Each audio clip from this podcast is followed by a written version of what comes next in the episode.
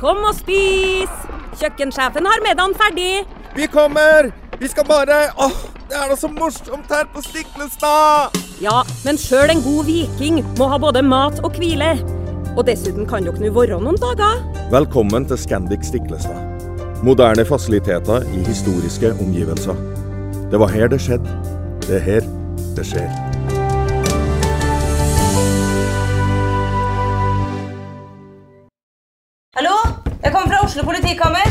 Ine Jansen er purk. Er du purk? The motherfucking bitch. Alt jeg vil, er å finne ut hva som skjedde med mannen min. Jon Carew. Er jeg sikta for noe? Iben Akeli. Det er du. Ole So, Lars Berrum og Big Daddy Karsten. Hvem sin side er du på, egentlig? Anette Hoff, Tone Danielsen, Kommer du fra Afrika? Jørnis Josef, Nesten. Kløfta. Trond Espen Seim, Det er synd å si det, men det var feil mann som døde. Purk. Premiere tirsdag på TV2 Play.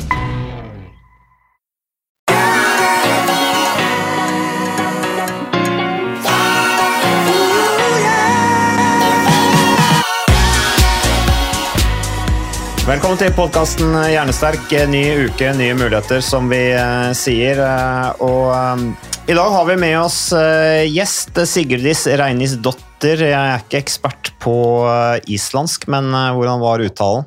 Nei, den var fin, vet du. Ja, for du så Helt veldig toppers. overrasket ut der nå. Bare wow!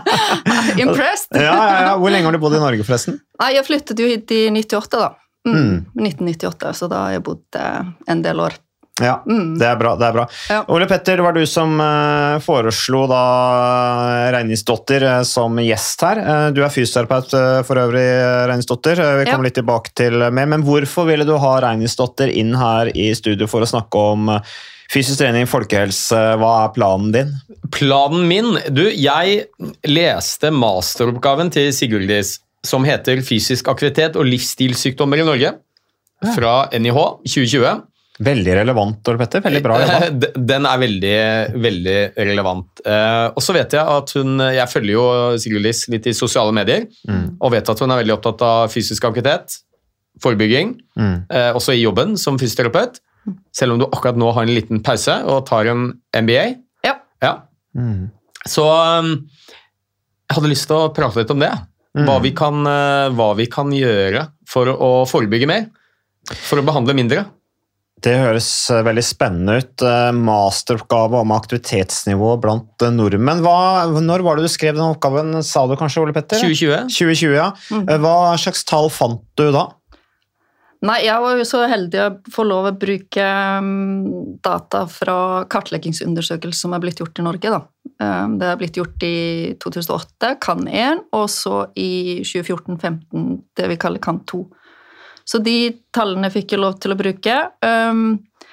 Da fant jeg jo ut at det er jo faktisk 30% av eh, befolkningen, dvs. Si av de som deltok i undersøkelsene, som oppfyller anbefalinger om fysisk aktivitet. Så det betyr at vi har 70% av befolkningen som ikke oppnår de anbefalingene. Ja, og Det er jo de samme tallene som Helsedirektoratet opererer med stort sett når de gir oss en oppdatering på hvor aktive vi er sånn en gang i året, Ole Petter. Ja, men det er jo ikke, det er ikke tilfeldig, for det er jo disse studiene som Helsedirektoratet baserer ofte tallene sine Ja. på. Disse kan-studiene 1, 2 og 3. Ja, nå er de i gang med 3. Ja. Ja. Ja. Så, og, og det som er litt spesielt, eh, kanskje ikke for alle, men det er jo at eh, disse tallene vi opererer med her, det er objektive data. Mm. Dette er ikke selvrapportert Nei. fysisk aktivitet. For det, det vet vi jo veldig godt at uh, tidligere så kartla vi jo aktivitetsnivået til befolkningen ved å sende dem spørreskjemaer. Ja. Og da vet vi jo eh, ganske godt hva som skjer. Da overrapporterer vi. Ja, ja, ja, ja. Ganske mye også. Ja. Så dette er objektive data. Ja, men man kan jo også si at egentlig så vet man jo ikke helt om disse resultatene er si, overførbare til da, befolkningen. For vi vet jo at kanskje de som er mer aktive, da, ønsker jo kanskje å delta i en slik undersøkelse, for det krever jo um, av um, de folkene? De skal jo gå med den akselometeren i syv dager. De skal uh, sant, holde på. Da vet man at kanskje er de mer aktive mens de uh, bruker den. Mm. Og så kan man òg tenke at um, den eksempel, den registrerer ikke styrkeøvelser eller sykkel eller vannaktiviteter og sånt. Okay. Så man har jo en del litt sånn eh, hva man kaller bias, da. Ja da, mm. det har man uansett. Ja, ja, ja. Eh, Men, Men, men det, gir jo et, det gir jo et bilde i forhold til aktivitetsnivået i Norge, og det var jo det som var interessant, og også i forhold til dette med livsstilssykdommer. I forhold til det utvalget så hadde vi da det vil si 17% som hadde en eller annen type av livsstilssykdom, og herunder så, så jeg litt på i forhold til hjerte-kar, og da var det 8% av disse 17 som hadde hjertekarsykdom. og så var det 3% som hadde diabetes type 2. ja. Ja. Eh, hva er det som uh, Hvordan har du blitt interessert eller hvor, hvorfor ønsker du å jobbe med folkehelse og forske på folkehelse? og Hva er det du er opptatt av, av sånn rent personlig i forhold til, Mm. til det å jobbe med dette her? Hvorfor er du opptatt av uh, fysisk aktivitet og folkehelse? Jo, kanskje at man har selv vokst opp med å være aktiv, da. Mm. Jeg vokste jo opp på Vestfjordene på Island, hvor det var høye fjell og, og vinter og lite annet å gjøre enn å være ute og leke, da. Um, så man kanskje har fått det litt med Jeg har kanskje fått det litt på den måten med i blodet, mens eh, i Norge sier man at nordmenn blir født med ski på beina, da. Mm. Um, og så um, Jeg drev jo selv med trening og min barndom og voksen alder, og så har jeg jobbet med da, eh, mennesker og aktivitet i ja, øh, 35 år, vil jeg tro, cirka. Um, så når jeg flyttet um, til um, Norge i 98, så tok jeg på idrettshøgskolen utdanning som heter fysisk aktivitet og helse, som handler om uh, forebygging og rehabilitering av livsstilssykdommer. Dvs. Si hvordan man bruker fysisk aktivitet til det. Mm. Forebygging og rehabilitering, ja. ja, Mm. ja. Um, Burde ikke det vært to forskjellige studier? på en måte? Er ikke det veldig forskjellig? Forebygge. Du forebygger når du er ute i aktivitet, jeg forebygger når jeg er ute i aktivitet. Og så er det ganske stor forskjell fra når du har allerede blitt syk, og du skal behandles for Ja. en lidelse du har pådratt deg. Ja. Altså, Men vi har jo studier som har vist at uh, fysisk aktivitet har samme effekt da, mm, som medisiner i forhold til behandling av hjerte- og karsykdommer og, mm, og disse livsstilssykdommene. Så det er jo en tanke i forhold til uh? Det er jo lettvint å gi medisiner, og, og, og kanskje størstedelen av befolkningen ønsker litt sånn litt sånn kjapp eh, Easy fix. Easy fix, ikke sant? Og det ønsker man jo ofte selv, da. Mm, mm. Um, men, men når man vet at faktisk den fysiske aktiviteten uh, bidrar på samme måte med um, behandling av, som, som vi sier, sekundær etter at uh, sykdom har oppstått, da, så burde man kanskje um, ja, det er veldig interessant dette med fysisk aktivitet til behandling. ja, det er jo Eh, det. Men forebyggingen er jo enda mer interessant. For Ja, ja. Da, sikkert, så det er det som er utfordringen som du har snakket mye om også, med helsevesenet eller sykevesenet. Hva skal vi egentlig kalle oss? Så, men hvordan blir, hvordan blir disse Hvordan har du opplevd at uh, forskningen som gjøres, uh, rapportene som lages på det, hvordan oppfatter du at de blir fulgt opp?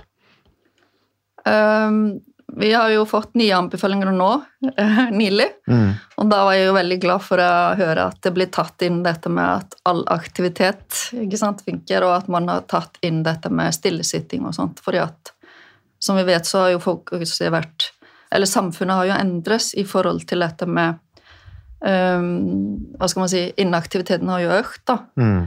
Eh, og vi, alt i forhold til teknologi og ting, gjør jo at vi sitter jo mye mer. Mm. Så jeg tror at det er viktig at man prøver kanskje å um, se litt mer på det i forhold til dette med um, hva kan vi gjøre? Vi kan jo kanskje ikke endre så mye med de vanene til folk, men hvordan kan vi motivere dem til å um, endre det vil si tiden de sitter for å øke så aktiviteten? Det er jo gjort studier i Australia og sånt, hvor de har lekt litt med tallene i forhold til å se resultater. F.eks. å kutte ut én time i stillesitting og øke en time i aktivitet for å se resultatene i forhold til dette med for tidlig død og, og sånne ting. Og det er jo Man trenger jo ikke så mye.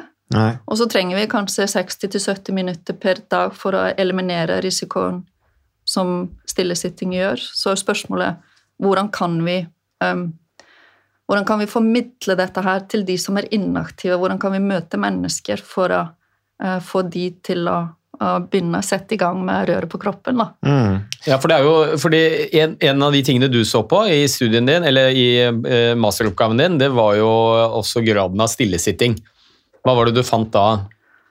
Hvor Jo. mange timer er vi stillesittende? Ja, det er jo litt sånn i forhold til at voksne og eldre menn de bruker jo gjennomsnitt over ni timer til stillesitting per dag, mens kvinner bruker litt under ni timer. Også. Og det er ganske mye. Det er mye, altså. Ni timer det er ca. det du og jeg kommer til å ha i dag. Det er masse med stillesitting. ja. Da blir det mye sitting. Det Denne podkastmaratonen vi har hatt i dag. Ja, eh, så, men poenget er det at eh, vi er jo klar over at vi sitter mye i dag, så vi har jo gjort noen grep i forhold til det. Du har jo reist ned fra Hamar for å komme hit til studio, eh, så du rakk ikke å løpe i dag tidlig, men jeg dro ut og løp klokka seks i hvert fall, fordi jeg visste jeg skulle sitte resten av dagen på rumpa, og jeg har sykla opp og ned her også. Eh, Men, men problemet er jo det at de som ikke er bevisst det, og det er jo ganske mange som ikke er det, til tross for den flommen av informasjon vi har, da, bra eller dårlig. Vi har alt fra disse tabloide overskriftene som handler veldig mye om vekt og utseende, og, Ja, ja. Eh, men også blitt mer helse. Bare se på Sats, ikke sant. De har jo på en måte prøvd å ta et, eh, et litt sånn eh, oppgjør med det som har med utseendefokuset rundt treningssentrene. De brukte Ole Petter i den der Train Your Brain, som jo på en måte var en, Da tenkte i hvert fall jeg endelig fokuserer på de primære gevinstene av fysisk aktivitet, og det trengs jo, men fremdeles så viser jo all stillesittingen at motivasjonen, bevisstheten, eh, hva det måtte være, ikke er til stede i folk enda, som jo Ole Petter forklarer veldig mye. at? Vi har fra biologiens side eh, en lat hjerne. Vi tiltrekkes mot det å være stille, fordi det var det som gjorde at vi eh, overlevde i gamle dager. Så hva, hva gjør man med det? Det er det store spørsmålet. Ja, det, Fordi at det koster jo enorme ja, ja. summer. Jo, jo, men det handler jo litt om i forhold til dette med ikke sant, I forebygging så, så vil vi jo prøve å få folk til å, å bli aktive, for det koster jo samfunnet massevis av utgifter fra helsebudsjettet i forhold til dette. 240 milliarder hvert år. Ja, ikke sant? Og det er ganske stor prosent i forhold til uh, total helsebudsjettet, da. Mm.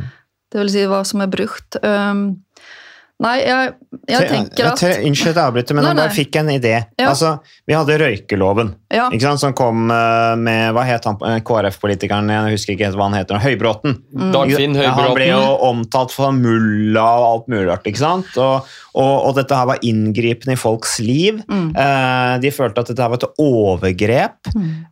men i dag så liksom alle er glad for Mm. røykeloven. Det er blitt bedre å være ute, og stakkars disse servitørene sånn som slipper å gå oppi all den røyken. og For de få gangene vi er ute på byen, Petter, så slipper liksom å komme Du, du trenger ikke å vaske klærne dine med all røykelukten lenger. og sånne ting.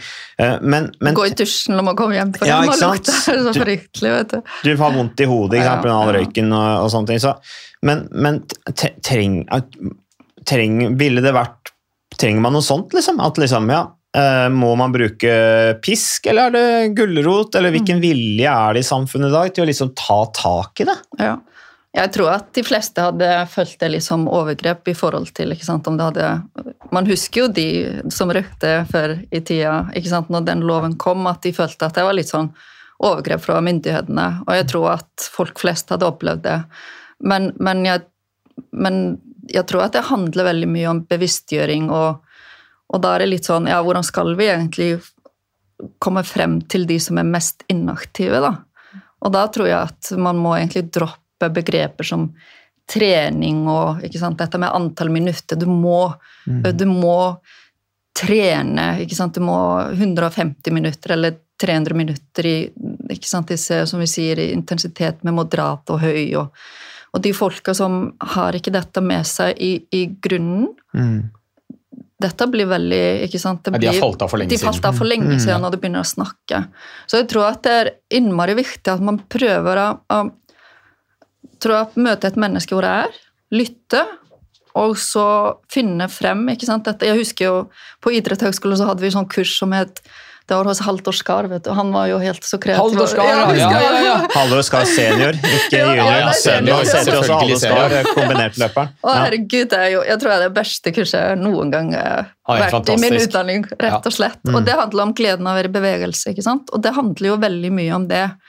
Um, å finne frem dette som folk kjenner, ikke sant, nå er relasjon til, som kan være indre motivasjon for å drive frem. For jeg tror at man, om man får tak i det, da, så kan man egentlig Det er jo samme når man jobber med folk som er skada og pasienter. Det er jo at um, når man lytter og prøver å følge dem i deres tempo, dette med å få opp tillit og, og hjelpe dem å finne den indre motivasjonen og kraften som kan drive dem fremover, da, så kan man egentlig, som man vet selv da, med seg sjøl, da får man jo kjempetro på seg selv og, og driften videre. Man blir jo ustoppelig.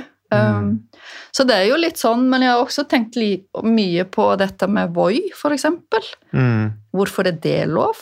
Ja. Elsparkesykkelen, ja. Ja, ja, ja. Ikke sant? Det, er jo, det er jo, handler litt om dette med Det handler jo veldig mye om tilgjengeligheten. Man ser jo både unge og voksne som hopper på um, Så det er jo, når du sier sant, med røykelov og alt mulig rart, det er jo dette med at hvordan skal vi egentlig um, forebygge at inaktiviteten økes, da?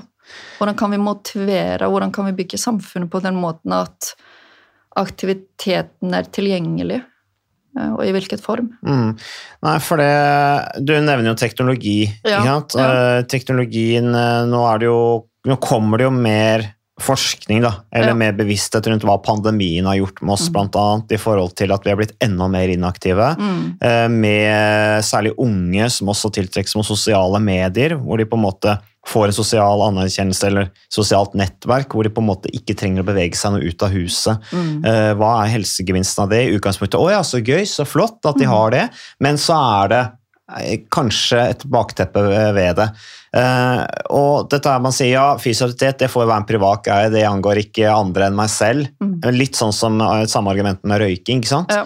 Eh, og det er jo også politiske partier i, i, i Norge som liksom sier at du har det private, det, det er et privat anliggende, det skal ikke vi legge oss opp i. Frp er veldig flinke til å si det. Ja, folk får spise all den sukker og brusen og alkoholen de vil ha, liksom. det får være opp til de, men det angår jo oss alle samfunnets medlemmer som betaler bl.a. skatt. Da. Ja. Eh, Vi kunne brukt pengene på noe annet. Eh, Hvis motivasjonen hadde vært høyere, hvis bevisstheten hadde vært høyere, eh, så er det jo på en måte et mål for samfunnet at folk har bevisst forhold til, og at de mosjonerer regelmessig. Når du er ute og jogger deg en tur, eller går deg en tur, eller sykler til og fra jobb, så, så er du på en måte et godt eksempel for samfunnet. Du tar ansvar som bidrar tilbake til samfunnet.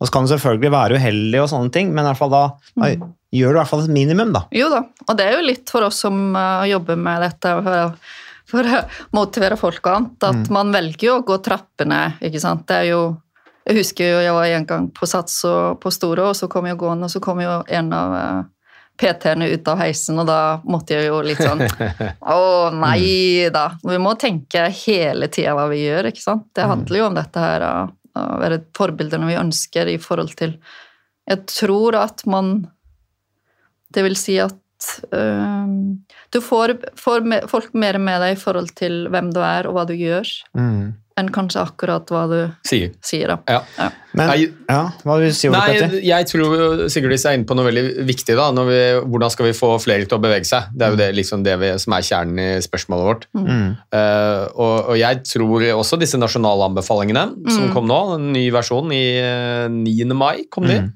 Så hvor det har vært enda mer fokus på at alle monner drar. Ja. At vi, man har på en måte laget det som cutoff. for vi- Det er jo egentlig det vi bruker. Vi sier jo at du er inaktiv hvis du ikke oppfyller anbefalingen om 150 minutter. 150 minutter? Mm. Det er ikke mye, det. har- Nei, for deg er ikke det mye. Nei. Kanskje ikke for meg heller, Nei. eller for Sigurdis, Nei. men for en gjennomsnittsnordmann så er 150 minutter men en halvtime hver dag, det, eller iallfall fem, fem dager i uka. Ja, ja. For mange så kan det virke som et helt uoverkommelig mål. Mm. Og det er nok en del som har tenkt at enten så må jeg komme meg dit, eller så er det ikke noe vits. Akkurat. Og nå er det mye dokumentasjon på at uh, det er ingen som har funnet noen nedre grense for når du begynner å hjelpe. Eh, det, Nei, det, det er avhengig av grunnlag også. Sant? For, for deg, Ole Petter, som har trent hele livet, 150 minutter for deg er nok til at du kan vedlikeholde en god helse. Men en, hvis vi vi nå får en generasjon med yngre på vei opp som har vært lite aktivitet, Ja. så er 150 minutter altså Det blir jo da egentlig kanskje for lite i forhold til å få god helse, fordi at de har så mye å ta igjen i tapt grunnlag fra lite bevegelse i barns alder og sånne ting. Så, Jo, men Ja. selv for deg og meg, la oss si at vi nå plutselig hadde blitt helt inaktive, Ja. så ville jo fem minutter om dagen vært mye bedre enn å gjøre ingenting. ja, selvfølgelig. Og Så- vi vil jo merke det, fordi at vi har erfaring med å være fysisk aktive. Ja, ja. Med generasjoner, eller de som ikke har vært aktive, de har jo ikke erfaringen med å være fysisk aktive, så for de så er det jo ikke noe tap. Det, det er bare hverdagen for de. Eh, og da tenker jeg at det, det du sier også med liksom, hva er det, som, det det er mestringsopplevelsen som er helt avgjørende her. At det legges på et nivå hvor folk faktisk får en erfaring med at å ja, dette her gjorde godt. Ja. Og da kan de ikke løpe, eller de kan kanskje ikke være med på crossfit, eller de kan ikke være med i et idrettsarrangement, men de kan gå en tur, og så, og så hø, hjelpe de å analysere hva den turen gjorde med de. Eh, hvordan føler du deg etter den turen? Ja, ja. Altså, Det, det er, erfaring har alt å si, da. Det er akkurat det. Ja, så... Og det er jo litt trist, ikke sant, som vi vet i forhold til det med de nye anbefalingene. Jeg tenkte litt sånn, så tenkte jeg, det er jo litt trist at faktisk at man, helsemyndighetene må lage anbefalinger i forhold til for eksempel bruk av skjerm eh, til små barn. At de må lage anbefalinger hvor mye barn i under ett år eller under femårsalderen, hvor mye de skal bevege seg. Og nå, egentlig når man ser at slike anbefalinger blir gjort, så blir jo det litt eh, trist bilde på aktivitetsnivået i et samfunn. Hvilken vei skal vi egentlig? Sant? Hvilken ord hvor er det egentlig stupe på alt dette her med inaktivitet? Da? Ja, ja. ja og, og det var det andre punktet som jeg syns var veldig bra. Som du sa, det er jo hva, hva slags samfunn er det vi lever i. Og, og jeg tror jo at det handler kanskje om to viktige ting. Det ene er jo å prøve å bidra til at folk finner sin egen motivasjon for å være litt mer i bevegelse. Drit i å kalle det trening, kall det bevegelse, for det er det det er. Ja. Eh, all bevegelse hjelper. Må gjerne bevege deg mye, det er supert, men det er bra med lite òg. Mm, Så så lenge det er noe. Eh, også det å lavterskel, altså at absolutt all type bevegelse funker. Du må ikke løpe, du må ikke sykle. Du behøver ikke ha på deg treningstøy engang.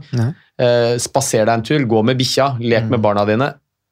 Et eller annet. Og, og der, der er vi jo egentlig genetisk kodet til å trives med det. Jeg tror de, Så godt som alle vil si at jo, jo, når du sier det, så, så følte jeg meg jo litt bedre når jeg hadde beveget meg litt.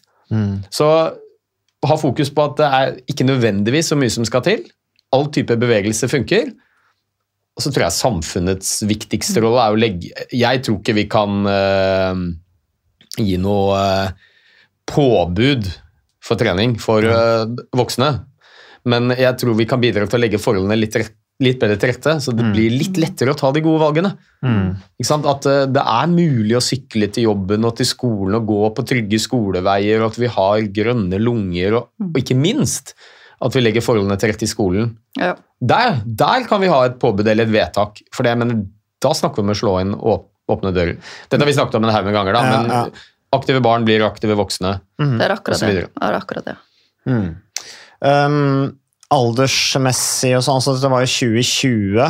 Um, det er jo for så vidt da en relativt fersk oppgave du har skrevet. Ja. uh, uh, så det er veldig relevant i forhold til moderne samfunnet vi, vi lever i og sånne ting. Men uh, hva tenker man Ukas annonsør det er uh, HelloFresh. Og uh, hvis du nå går inn på hellofresh.no og bruker koden 'fresh hjerne', så kan du få opptil 1779 kroner rabatt på da de fem første matkassene dine hvis du ikke har prøvd HelloFresh enda.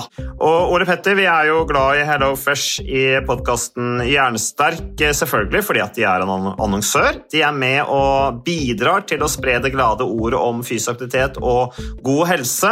Men i tillegg så har jo vi også nå lang erfaring med HelloFresh Fresh selv. Så vi må jo si at det har vært gode erfaringer til nå. Ja, absolutt. Visste du, Mats, at HelloFresh det er faktisk verdens ledende matkasseleverandør? Og tilbudene til HelloFresh gjør det enkelt å lage gode og varierte retter som skaper matglede. Og matglede vet du, det er like viktig som hva du putter i munnen. Det å spise mat med folk du trives med. Så gjennom 25 nye og inspirerende retter hver uke så bidrar HelloFresh til dette.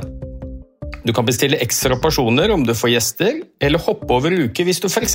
skal bort. Og Det er ingen bindingstid, og du velger leveringstidspunkt og dag selv, så leverer Hello Fresh matkassen din akkurat når det passer deg.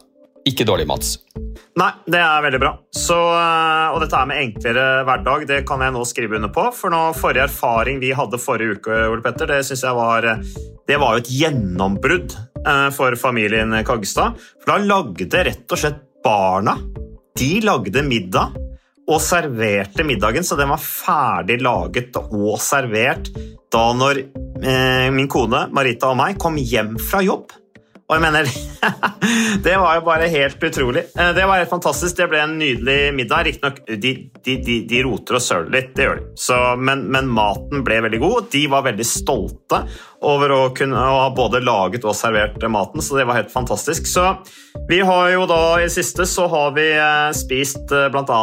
sitron- og dillstekt hyse med ovnsbakte grønnsaker og aioli.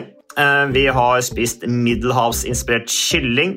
Taco, så finnes det mange ulike typer taco. F.eks. vietnamesisk taco, som vi har spist. Thailandsk vegetargryte. Veldig riktig og sunt eh, i dagens eh, samfunn med, med fokus på bærekraft. Hvitløk og chilistekte reker i spagetti, det var definitivt en vinner. Så det er så flott. Du får rimelig mat ved at du kun betaler for det du trenger, så det blir ordentlig feststemning med Hello Fresh. Det gjør det, og nå er det bare for deg å gå inn på hellofresh.no og bruk koden FRESH gjerne. Da får du opptil 1779 kroner rabatt på de første fem matkassene dine, hvis du ikke allerede har prøvd HelloFresh. Du kan også bruke rabattkoden hvis du har stoppet abonnementet ditt for tolv måneder siden eller mer. Er det noe å lure på? Håper maten smaker godt. Bon appétit! Om eh, retningen samfunnet tar om dagen. Altså, eh, nå har vi hatt pandemien. Eh, snakkes det på høyere hold i, i norsk eh, folkehelse om status i dag? Er, man, er det bedre eller dårligere enn det var for noen år siden? Blir vi flinkere? Er samfunnet på riktig vei? Man så jo eh, for Man håper jo det, men eh, sikkert har det vært noe tilbakefall etter pandemien. da.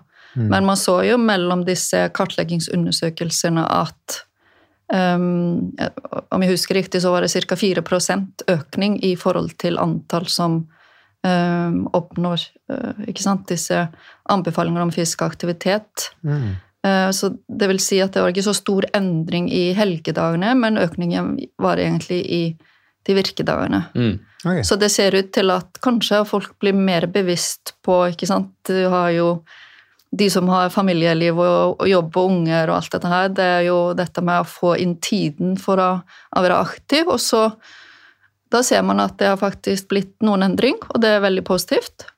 Og så er det litt dette her for oss som jobber med, med mennesker, så er jo litt dette med å prøve å formidle, da. Ja, men om du ikke har tid for å ta vare på helse i dag, så er jo ikke garanti at du har den i morgen. ikke Da sant? må du setter sette av mye tid til å være syk siden. ja, det er akkurat det. Uh, så Men, man ser eh, jo Så det blir jo interessant å se i forhold til dette med, som du sier, i fremtiden, og, og hvordan disse tallene kommer til å se ut, da. Men er det fi, sa du det var 4 Økning. høyere aktiv gjennomsnittlig aktivitetsnivå, eller er det 4% flere som oppfyller anbefalingene? Ja, som oppfyller anbefalingene. Ja, Ja. for det, nå er det jo kanskje ikke så veldig mye solide talldata ennå eh, fra hva som har skjedd etter pandemien, men iallfall under pandemien så diskuterte vi jo veldig mye det at det var, det var veldig mange som sa at oi, dæven så mange folk som er i aktivitet nå. Mm. Folk hadde jo hjemmekontor. Ja. Alle var hjemme og hadde tid til å være i bevegelse. Men så var jo litt frykten det at det vi så, var at de som allerede var aktive, ble enda mer aktive. Ja. Og de som var inaktive fra før, de ble enda mer inaktive under pandemien. Så du skaper en enda større sånn gradient, da, forskjell mellom de aktive og inaktive. Og det er jo litt av det som kjennetegner aktivitetsnivået i Norge. At vi har, vi har en del som er veldig aktive og i kjempegod form. Hy hyperaktive. Ja, og så har vi noen som er helt andre enden Ja. eh, av skalaen, så blir bare forskjellene større og større. Ja. Og det er jo det er på en måte alle sånne anbefalinger, da. Mm. Jeg tenker jo at de er veldig nyttige, men jeg tror vi først og fremst når de som allerede er opptatt av det. Eh, og så eh, har de ikke samme verdi for de som trenger det aller mest. De som er minst aktive. Jeg tror det er færre som kjenner til de anbefalingene i den gruppen, enn de som er godt eh, aktive fra før.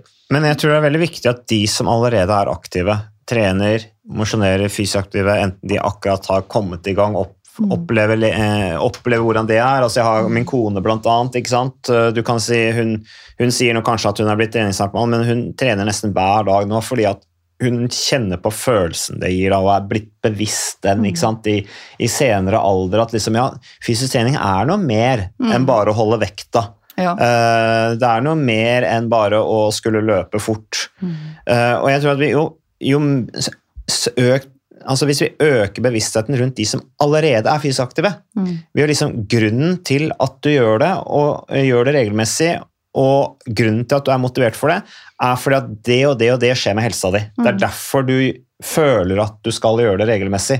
Og hvis de da kan bli en slags disippel og kunne spre det budskapet videre, så er jo det veldig viktig. og Derfor så tror jeg også at kunnskapsbehovet er stort fremdeles, også blant de som trener.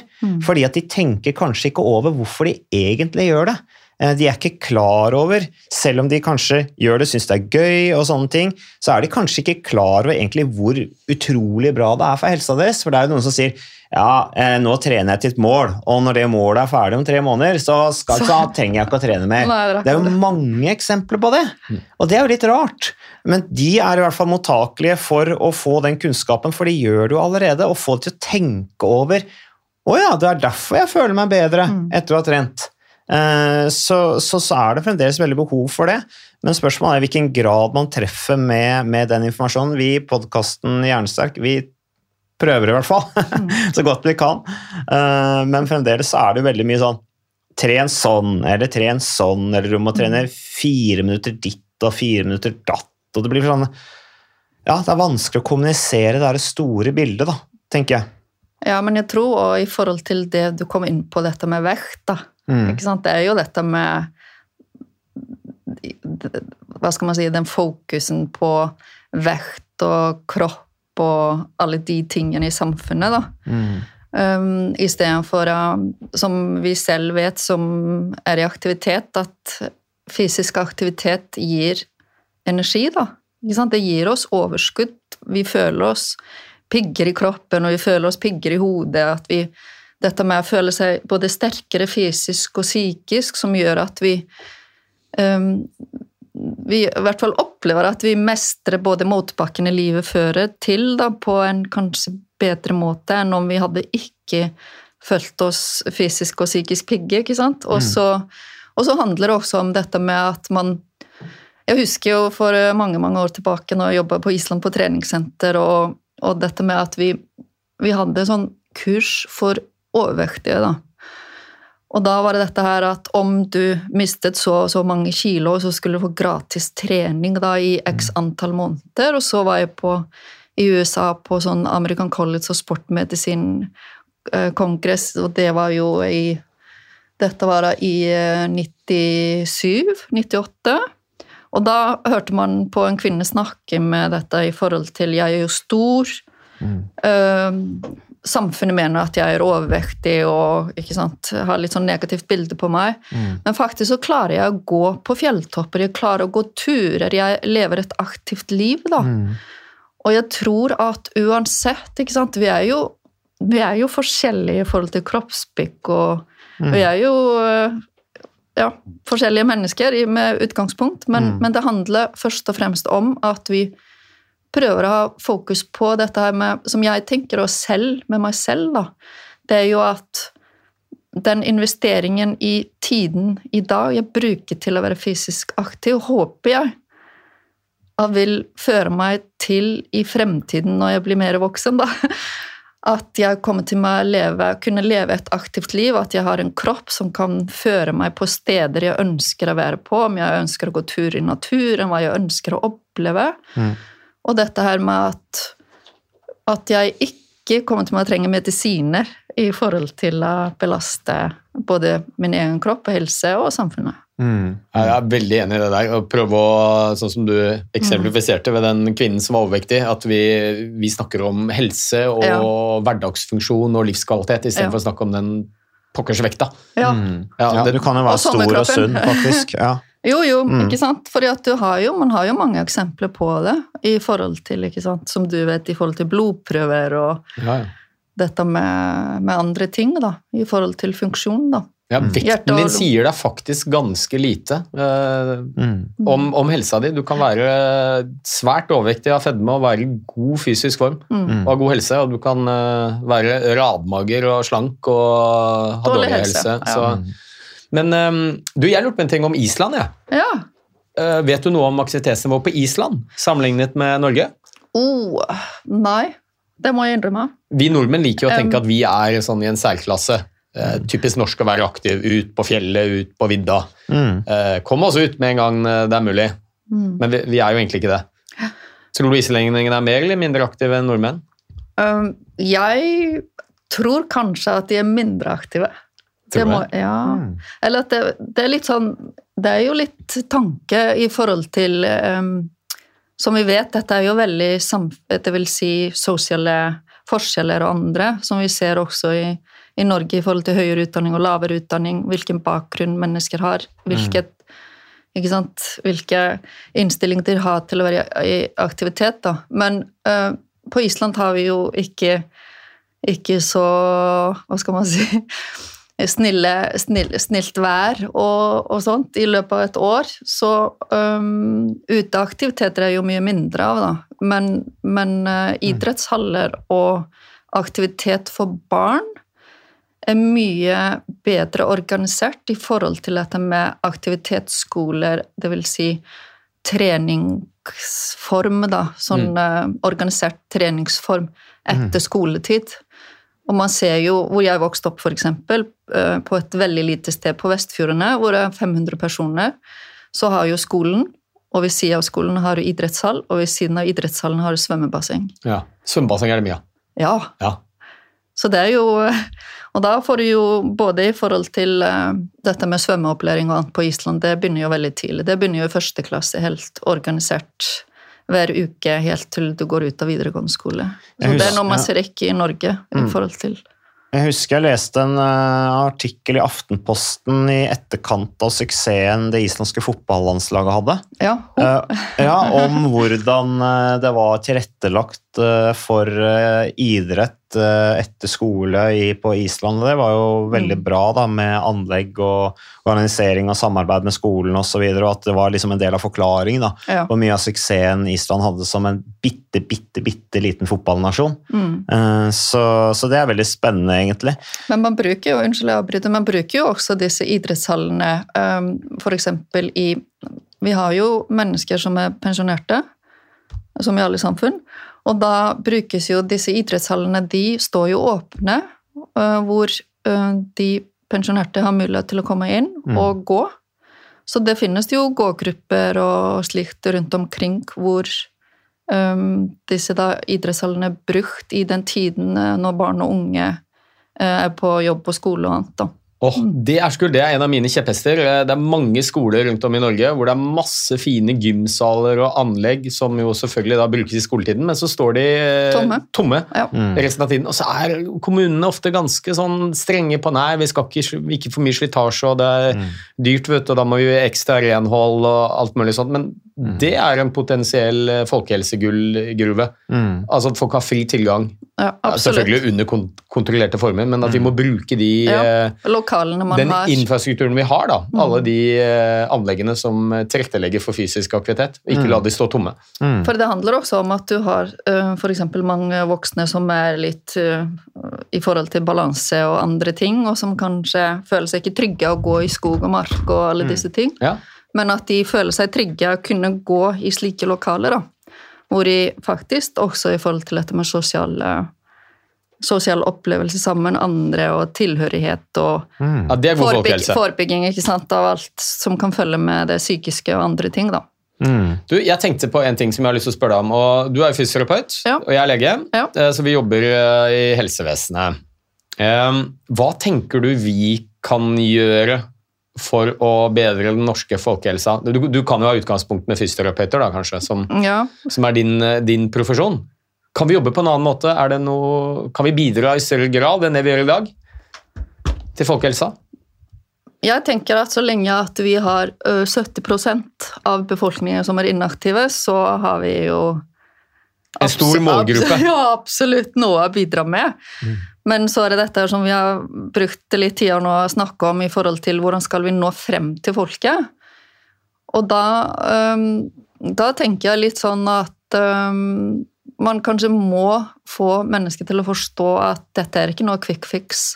Dette handler om Jeg har ofte sagt til pasientene at eh, jeg skal prøve å veilede deg på veien og prøve å bidra til at du begynner å mestre ting og sånn. Og så sier man ofte at men jeg, jeg ønsker faktisk at du ikke kommer tilbake, for om du kommer tilbake, så vet jeg at jeg har faktisk gjort en dårlig jobb. Så, så jeg, tror, jeg tror faktisk at det formidler viktigheten av reaktivitet, og i forhold til egentlig hvor lite vi trenger å gjøre for å eh, oppnå bedre helsegevinst. Ikke sant? Vi har jo dette med doseresponskurven, og i forhold til de som er mest inaktive, får størst helsegevinst. Ikke sant? Så det trenger jo veldig lite til. Um, så det- ikke sant? det er jo vanskelig hvordan vi skal gjøre jobben bedre, men jeg tror først og fremst at vi må møte mennesker hvor de er, og prøve å bruke kunnskapen i forhold til hvor lite trengs, og at man prøver å motivere til å endre dette med det vil si å redusere stillesitting og prøve å øke aktiviteten bitte litt. Ikke de store målene, men å sette massevis av små delmål og opplevelse av mestre ting. Da. Ja, for jeg, for jeg lurte på en ting rundt dette med fysioterapi. Jeg, som fastlege, så Nå er det jo ikke noe henvisningsplikt, men før så henviste vi til Ja. fysioterapeuter. Eh, Og da var det veldig mange av mine pasienter, spesielt de godt voksne, som sa å ja, du sender meg til massasje. Ja. Eh, Og tenker at det er det en fysioterapeut eh, hovedsakelig står og masserer pasienter, men det er det jo selvfølgelig ikke. Nei. Det er mye rehabilitering og, og eh, Opplever du kanskje et litt ledende spørsmål, men opplever du at det er nok om forebyggende helsearbeid i fysioterapistudiet? Kan fysioterapeuter nok om forebygging, eller er det Nei. mest om reparasjon og rehabilitering? Ehm, jeg tror i hvert fall at vi er jo x antall som har samme bakgrunn som meg i forhold til fysioterapi og dette med fysisk aktivitet og helse fra Norges idrettshøgskole. Og jeg tror i forhold til når man har um, de to um, utdanningene, så ser man jo hva som mangler, da. Ja. Og det er uten tvil at de som kommer fra idrettshøgskolen, har mye bedre grunnlag for å jobbe med forebygging av livsstilssykdommer enn fysioterapeuter. Ja. Det vil si ut ifra grunnutdanningene. Og Det er kanskje den største folkehelseutfordringen vi har. Det er jo livsstilssykdommer. Som Ja. det blir mange flere av nå når vi blir eldre. Ja. Og så eh, har vi helseprofesjoner. Ja. Eh, Fysioterapeutene vil jo jeg påstå kanskje er best i klassen, eh, hvis vi tenker leger, sykepleiere og, Jo, og fysioterapeuter, Jo, men da sammenligner du deg med legene og sykepleierne, som har så godt som ingenting om dette på studiet. Nei, det er jo ikke det. Og det er veldig Og rart. det er veldig rart. Så egentlig burde det vært Jeg husker jo for eh, x antall år tilbake så var jeg på sånn um, konferanse med de nordiske fysioterapeutforbundene, da. Og da um, Sigmund Andersen fra Idrettshøgskolen han satt jo der oppe og snakka om Og jeg heier, jeg, er jo, jeg heier jo frem de som kommer fra Idrettshøgskolen, for jeg vet jo at de sitter med kompetanse som egentlig um, Et studium som i forhold til det samfunnet vi lever i i dag, burde absolutt vært et autorisert studium. Mm. Uh, hvor man kan uh, det vil si fremheve dette med eh, forebygging ut fra fysisk aktivitet. Det vil si å få de folka Ja, ja. mer frem på banen i forhold til det arbeidet. Vi trenger noen autoriserte helseprofesjoner Ja. som kan mer om forebygging. Ja, det er akkurat det. Eller så må de som allerede er Ja. autorisert, men de har jo så mye å gjøre Ja, jo, jo. med reparasjon. Ja, men det handler om at kanskje å gjøre endringer som du kom inn på i forhold til dette med de forskjellige studiene som jobber med folkehelse i Norge. da. At man endrer, setter kanskje inn hva som er viktig i dag, og mindre uh, det vil si mindre viktig, og, endre litt opp på disse studiepoengene, hva de inneholder. da. Ja. Ja. Men jeg tror at, um, jeg tror at um, det finnes jo kurs, ikke sant? idrettsmedisinsk kurs eh, for fysioterapeuter og leger, da, hvor man kan få mer i forhold til disse trinnene man har tatt eh, i aktivitetsmedisin. ikke sant? Så, Ja. Så du kan, jo, du kan jo alltid Men det handler jo også om interessen til de som jobber med mennesker, da, i forhold til Ønsker du å tilføre deg selv mer kunnskap for å bidra, kunne bidra mer, da? Ja. Um, så det er jo mange kanskje uh, ja, som ikke har tid, eller velger ikke å gjøre på mange andre grunner man ikke vet om. Hmm. Men, uh, men jeg tror at, uh, tror at med faglig påfyll er alltid bra i forhold til dette her. Spesielt ettersom samfunnet utvikler seg kanskje i litt negativ retning med inaktivitet. Da. Ja, så vi må forebygge mer for å behandle mindre. Absolutt. absolutt. Du, jeg tenkte vi begynner å runde av, men jeg har lyst til å stille deg spørsmål som vi stiller de aller fleste gjestene våre, og det er hva betyr trening for deg? Å, fysisk aktivitet. Ja, bevegelse. ja, det betyr alt. Herregud, det er jo i bunn og grunn, som vi kom inn på i stad, dette med å føle at man har overskudd og føle seg vel i egen kropp og Jeg blir jo mye Jeg blir jo mye gladere, rett og slett. Mm. Ehm, så det handler litt om dette med å kunne være ute og røre på seg, også i sosialt samvær med andre. Og at man øh, ja, få litt ut både energien og, og, også i forhold til at det, i hvert fall for min del, og jeg tror for dere òg, at uh, man blir jo både føler seg med overskudd samt at man føler indre ro. Mm. Med, Ja. ikke sant? Det er handler litt om å være ute som du tenker at dere i forhold til å sykle, at man, man går litt i boble. Mm. Mm. Både kjenne puls og svette, og så hodet og reflektere over dagen og, og ja. Men det betyr alt, da. Universalmedisin. Ja, absolutt. Og dette er i forhold til at uh, man kan forebygge mye, og jeg håper i hvert fall at jeg kommer Jeg tenker litt sånn i forhold til min bestemor, da, som uh, bodde jo på de Vestfjorden i snø og storm, og, Mm. men hun var jo, ble jo 96 år, men hun gikk jo ut med rullator, altså. Um, uansett vær og vind, så det, hun var jo litt kjent for det. Fordi hun kjente jo på bare dette tiltaket, ikke sant, å kle på seg og komme seg ut og få litt fersk luft og Mm. bruke kroppen og annet, at det var jo den beste medisinen i forhold til dette vondter og stivhet og, Mm. og dette med psyken og vært ute. Ikke sant? Ja, ja, og og det, og så jeg tenker uansett hvilken alder vi er i, så tror jeg at det er viktig i forhold til både vår egen helse og i helhet for folkehelsen. Mm. Ja, veldig bra. Siste spørsmål. Ja, Er du noen gang plaget med dørstokkmila? så klart. Hva gjør du da? Eh, Det hender jo at eh, om jeg føler at Jeg har jo vært på Sats og tatt treningsbagen og klærne opp, og så har jeg tenkt at nei, det er faktisk ikke riktig dag. Nei. Og da har jeg faktisk pakket sammen, og det har vært eh, bra, fordi da har jeg kommet sterkere tilbake. eh, Enten senere på dagen eller dagen etter. Men det er jo litt dette her med at eh, Stort sett så prøver jeg å, å komme over den, da. Men jeg tror at alle kjenner jo til den. Men man vet jo at uh, hvilken velver og, og den gode følelsen av energi og, og lykkelig liv det gir i etterkant. Så, Mm. så da er det bare å hive seg over den. Mm. Livet blir enklere hvis man også er eh, fysisk aktiv. Enkelt og greit. Men tusen takk for at du eh, ville komme hit til podkasten Hjernesterk. Eh, Artig.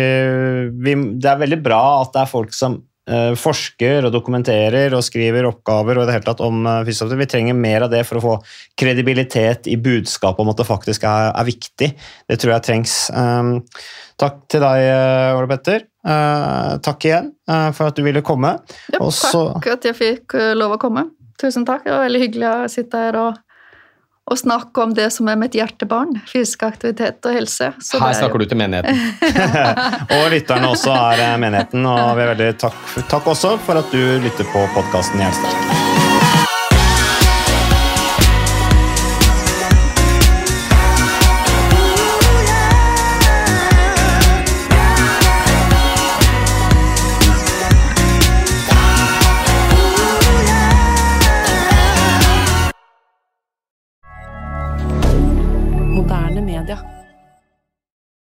Har du et enkeltpersonforetak eller en liten bedrift? Da er du sikkert lei av å høre meg snakke om hvor enkelt det er med kvitteringer og bilag i fiken, så vi eh, gir oss her, vi. Fordi vi liker enkelt. Fiken superenkelt regnskap.